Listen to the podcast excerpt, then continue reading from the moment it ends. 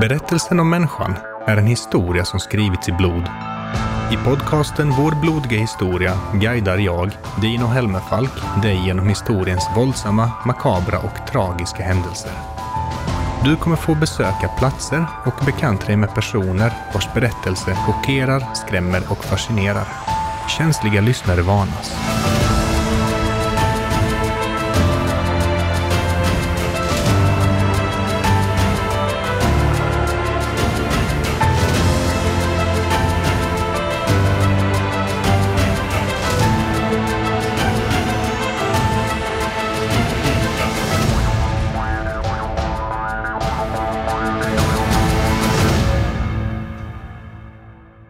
Kära lyssnare som rattat in till vår blodiga historia. Hjärtligt välkommen ska du vara till ett blänkande nytt avsnitt av din favoritpodd. Jag som gör detta program heter som alltid Dino Helmefalk. Vi står bara två avsnitt ifrån avslutningen på den tredje säsongen av podden och vilken säsong det varit. Glädjande nog kan jag avslöja att sedan säsongstarten, som också innebar början på mitt samarbete med I Like Radio, har vår blodiga historia fördubblats i storlek. Från att ha haft nästan 2000 unika lyssnare i veckan har vi idag passerat en bra bit över 4500. Jag kan inte göra något annat än att säga tack för att ni delar, stödjer och framförallt lyssnar. Fortsätt gärna att göra detta. Om du är en ny lyssnare som hittat hit för första gången, eller om du är en luttrad veteran men som missat föregående avsnitt, vill jag föreslå att du pausar, lyssnar på den första delen om Eva Braun, som alltså sändes i avsnittet innan. I det föregående avsnittet gick jag igenom hur Eva Braun och Hitler träffades, samt redogjorde för svartsjukedramat med Hitlers systerdotter, där utgången blev minst sagt tragisk. I dagens intermezzo av hela den här historien får vi följa det märkliga paret fram till krigsutbrottet. En tid då Hitler är på toppen av sin makt och Eva Braun lever ett lyxliv i det fördolda.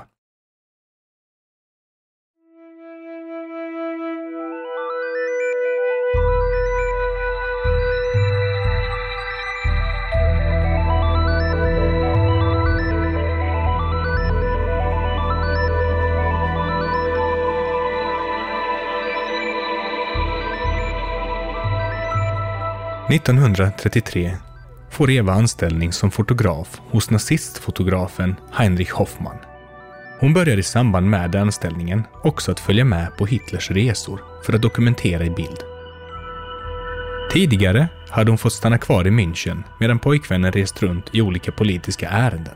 Men även om hon numera ofta befinner sig i Hitlers närhet är han och partiet noga med att Eva aldrig syns offentligt tillsammans med honom eller på bild. Hon har av författare i efterhand kallats en av Nazisttysklands bäst bevarade statshemligheter. Samma år, alltså 1933, utses Hitler till rikskansler och året därpå antar han titeln Führer i samband med att han förutom posten som rikskansler även blir rikspresident då den förre presidenten Paul von Hindenburg dör, antagligen på grund av åldersrelaterade skäl. Han blev trots allt 86 år gammal. Så fort Adolf Hitler får makten börjar förberedelserna för förverkligandet av det politiska manifest han tidigare givit till känna. Han skrev, eller snarare dikterade boken under sin fyraåriga fängelsevistelse på 20-talet. Och i den lägger han grunden för vilken stat han vill skapa och vad han vill för Tyskland.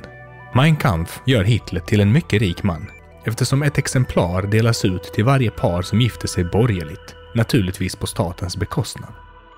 Den delas även ut i en mängd andra sammanhang också. Man förbjuder även att boken säljs i andra hand. Varje exemplar som säljs kommer alltså direkt från förlaget och genererar Hitler royalties. Över 10 miljoner exemplar blir därför sålda. Majoriteten av böckerna köps in av staten för utdelningar snarare än av privatpersoner. Hitler skapar med andra ord en pengamaskin där staten för skattemedel köper enorma mängder nyexemplar av hans bok det är omöjligt att analysera Eva Braun utan att fråga sig ifall hon kände till Hitlers ondska, som ändå går att utläsa i boken. Men med största sannolikhet läste hon nog aldrig Mein Kampf. Detta är min egna slutsats eftersom Eva inte var en särskilt beläst kvinna och boken i fråga är en tegelsten på över 700 sidor. Den är inte särskilt lättläst och ganska tråkig. Jag har själv examen i statsvetenskap och historia och jag har ett särskilt intresse för det tredje riket som statsbygge. Jag har läst mängder av historiska och politiska dokument genom åren och gudarna ska veta att långt ifrån allt har varit engagerande läsning. Men jag lyckas ändå inte uppbåda motivationen att läsa Hitlers smörja till bok. Så vitt jag vet läste ingen av nazisttopparna heller boken i sin helhet. Eva Braun, som dels inte ägnade mycket tid åt läsning eller var speciellt intresserad av politik, skulle antagligen helt enkelt aldrig palla sig igenom boken. Men nog om den. Den nazistiska rörelsen är splittrad vid den här tiden. Utåt sett uppfattas den av de flesta tyskar precis så som nazisterna vill, alltså enade, starka, solidariska. Men internt äger maktkamper rum. Sturmabteilung, eller SA som organisationen kallas i vardagligt tal, växer sig stark. Eva Braun känner dess ledare, Ernst Röhm, en man som uppfattas som en potentiell utmanare till Hitler. Röhm har inte gjort någon hemlighet av att han vill använda nazisternas nyvunna makt på annat sätt och uttalar sig kritiskt om Hitler i flera sammanhang. Något som självklart når den ännu blivande fyren. Det är nämligen först om två månader som Hitler kommer anta den titeln. I slutet av juni 1934 ringer Hitler upp Goebbels och säger kodordet kolibri. Detta är startskottet för de utrensningar som historien minns under namnet De långa knivarnas natt. I ett svep rensar Hitler, stödd av SS, Göring och Goebbels ut ledarskapet för SA. Goebbels och Göring passar också på att göra sig av med ett par personliga motståndare när man ändå håller på så att säga. Hitler deltar aktivt själv i utrensningarna och är med när Ernst Röhm grips på ett hotell. Samma kväll ringer han Eva, som vanligt klockan 22.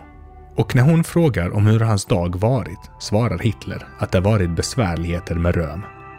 Eva Braun, som alltså kände Ernst Röhm, borde ha undrat vad som hänt med honom eftersom hon aldrig mer såg eller hörde av honom och vi kan bara spekulera i om hon förstod vad som egentligen hade hänt.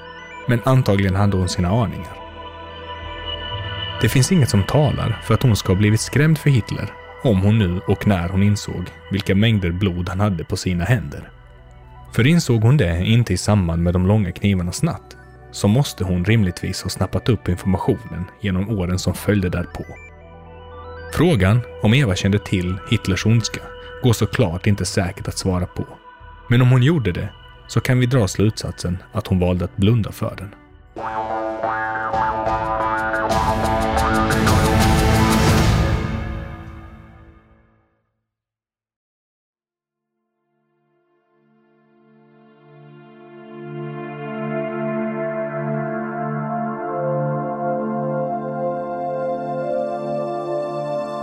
Att vara diktator över en stat stor som Tyskland kräver naturligtvis mycket tid och återigen börjar Eva Braun känna sig åsidosatt av Hitler.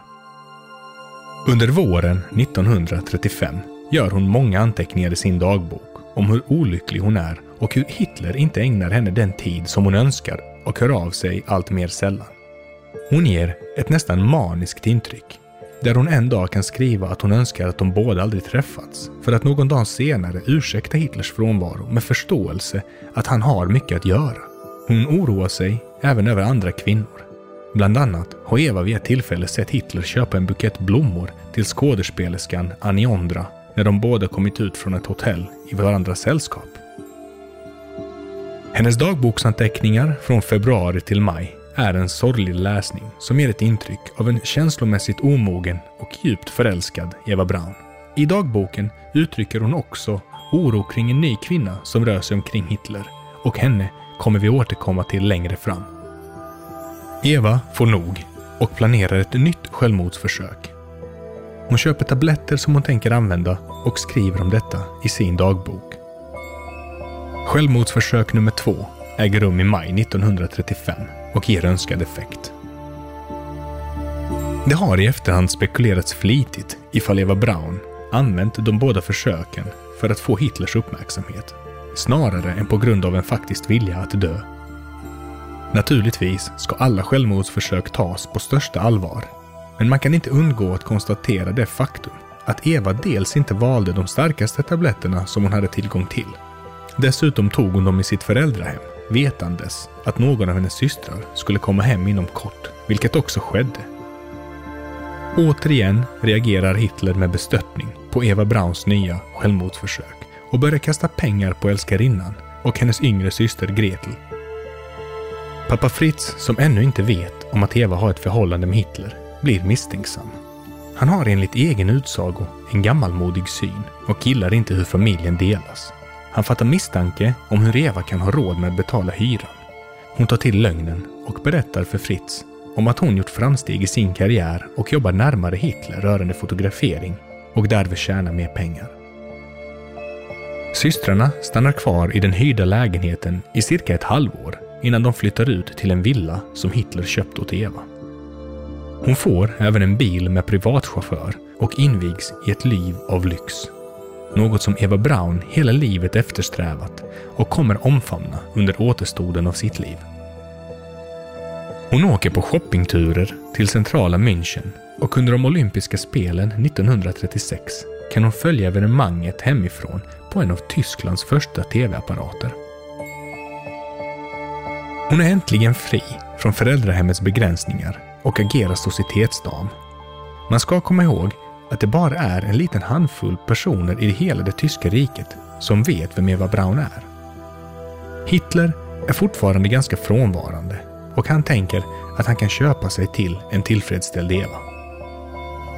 Hon får också följa med fyren de gånger han ska till sin ståtliga villa Berghof i de bayerska alperna och där får hon så småningom en tjänst som hans privatsekreterare.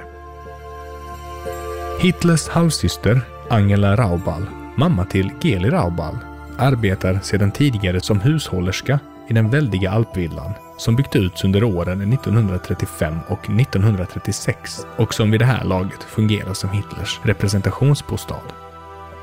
Det uppstår slitningar mellan Angela och Eva. Angela tål inte fyrens sällskap och gör allt hon kan för att störa paret. Så fort Hitler och Eva går undan för att vara ensamma kommer Angela och vill att Hitler godkänner en matsedel eller något annat som egentligen hade kunnat vänta. Till omgivningen kallar hon Eva för den där dumma kossan. Naturligtvis inte så att Hitler eller Eva hör. Eva Braun har ändrats efter det senaste självmordsförsöket. Av allt att döma verkar det som att hon förstått att hon har en given plats vid Hitlers sida, men att hon får finna sig i att vissa saker är som de är. Exempelvis i frågan om fyrens andra kvinnor. Eva går under några månader från att vara nästan infantil och hysterisk i sitt sätt till att bli samlad, slug och kalkylerande.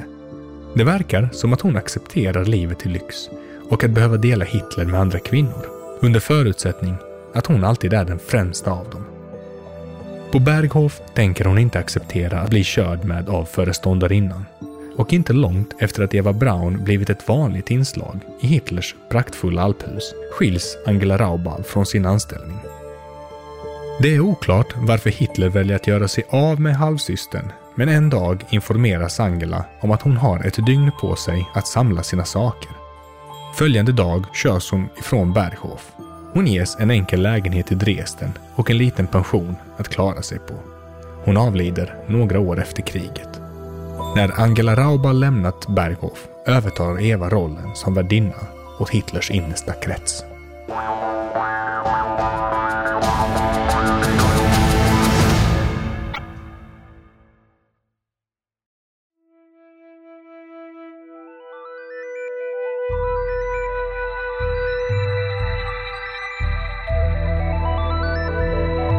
Så här långt in i berättelsen har Hitler uppvaktat Eva i cirka fem år och under två av dem vet vi att de har något som mest kan liknas vid ett kärleksförhållande.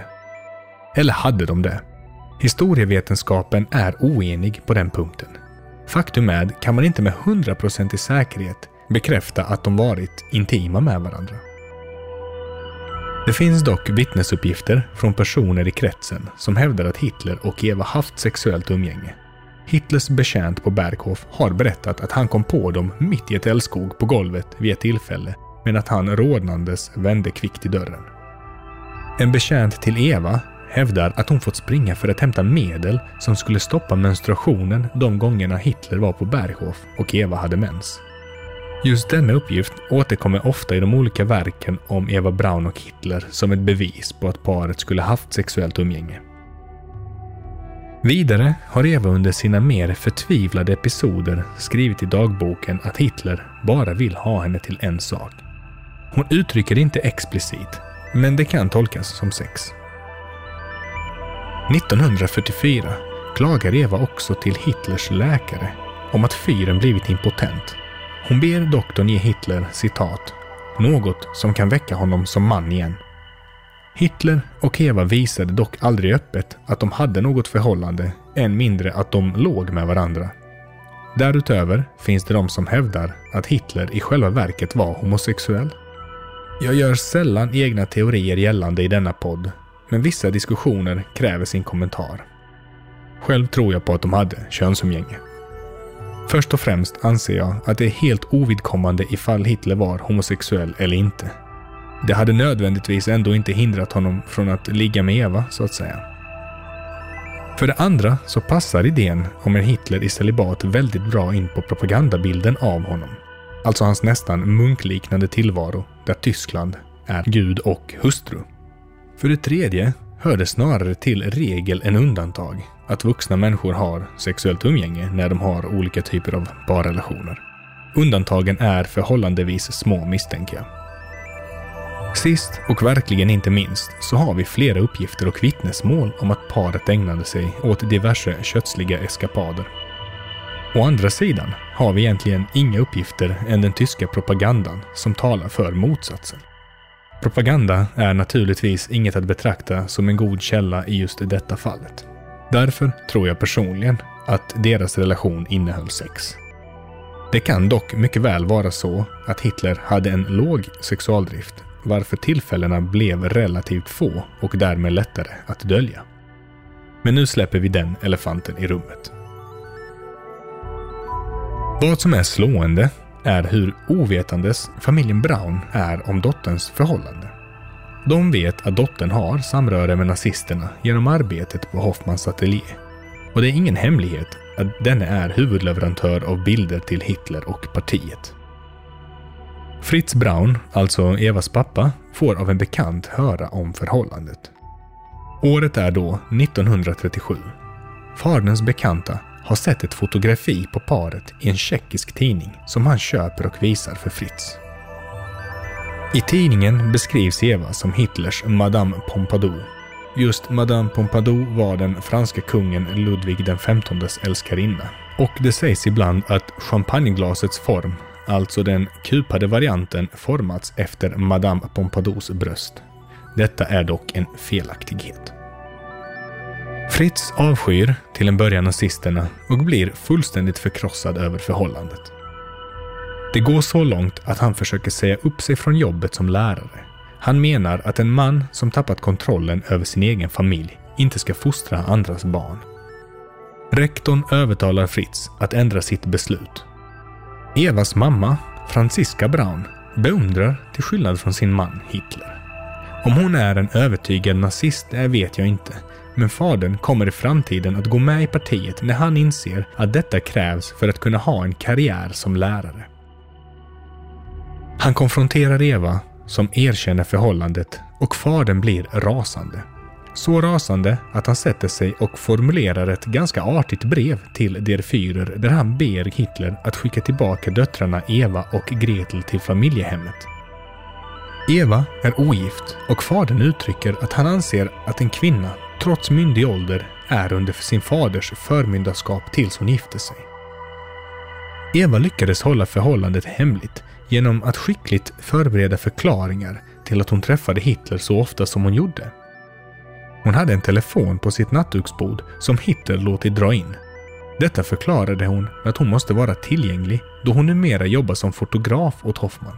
Det är en jourtelefon, blev svaret helt enkelt. Jobbet blir också hennes alibi om varför hon är borta kvällar och helger. Hon måste ju följa med Hitler för att fotografera och när hon låser in sig på rummet för att prata med honom i telefonen kallar hon det för hemliga uppdrag.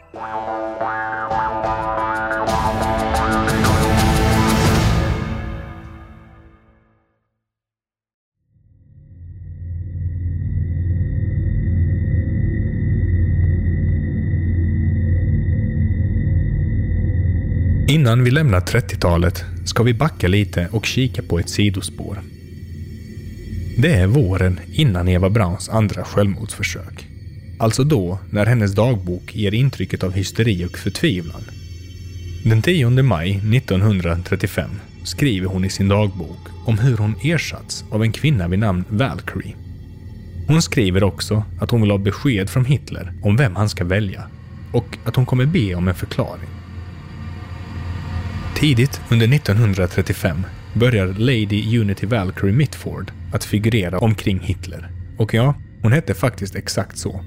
Valkyrie är en brittisk societetsdam som är avlägsen släkting till Winston Churchill. Hon är även svägerska till de brittiska nazisternas ledare, Oswald Mosley. Hon är ung, precis som alla andra Hitlers kvinnor, blott 20 år gammal.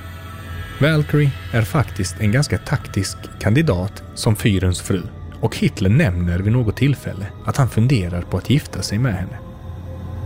Hon tas upp i nazistpartiet och Hitler ser en möjlighet att genom Valkyrie knyta ihop de båda länderna. Lite som ett äktenskap kungahus emellan under svunna tider.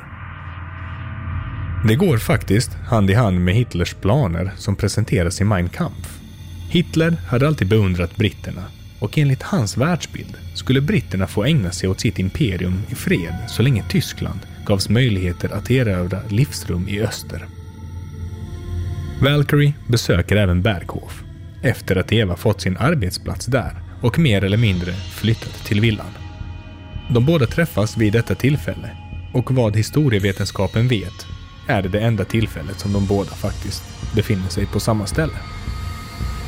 Den förändrade Eva visar inga tecken på svartsjuka, ilska eller illvilja gentemot brittiskan. Istället agerar hon som den goda värdinna hon blivit. Hitler uppvaktar Valkyrian i hela fyra år samtidigt som han har sitt förhållande med Eva Braun. Allt rasar dock 1939. Efter att Tyskland gått in i Polen förklarar England krig mot Tyskland. Förhoppningen om ett förbund staterna emellan raseras och Valkyrie faller ner i en djup avgrund. Hon skriver ett avskedsbrev, jepp, vi är där igen, till Hitler som hon skickar till honom tillsammans med partinålen och porträttet av honom med silverram som hon tidigare givits av partiet. Hon går därefter till Engelska parken i München, sätter sig på en parkbänk och skjuter sig i huvudet. Det verkar så här långt som att det är nästan lika farligt att vara Hitlers älskarinna som att utpekas som förrädare av honom. Valkyrie avlider dock inte av skadan, men hon hamnar i ett nästan vegetativt tillstånd. Fram till sin död 1948 sitter hon i rullstol, är inkontinent och plågas ständigt av svår huvudvärk. Efter Valkyrie finns inget som tyder på att Hitler skulle ha haft några andra kvinnor än Eva, men det har funnits fler älskarinnor tidigare som jag inte tar upp i detta avsnitt. För ingen av dem hade haft så stor inverkan i hans liv som Eva, Geli och Valkyrie.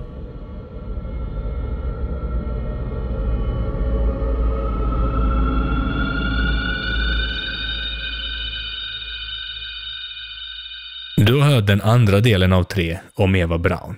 En av Hitler-Tysklands bäst bevarade statshemligheter.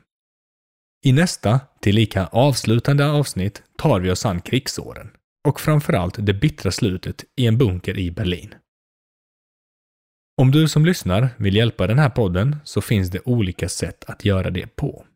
Ifall du lyssnar via en Apple-produkt kan du ge podden högsta betyg i iTunes Podcaster. Det går även bra att lämna ett betyg på poddens Facebook-sida. Och glöm inte att du kan följa podden på Instagram och Facebook. Sök bara på namnet. Vill du stödja arbetet ekonomiskt så tar jag gladeligen emot allmosor via Swish på nummer 070-6177812. Framförallt hoppas jag att ni lämnar betygen. Jag tycker att det är lite dåligt på den fronten med tanke på de tusentals lyssnare som finns där ute. På Facebook kan du kommentera dagens avsnitt och jag kommer lägga ut lite bilder som rör Hitler och Evas tid i Berghof. Om två veckor är vår blodiga historia tillbaka i dina hörlurar och jag hoppas att vi hörs då. På återhörande. Hej då!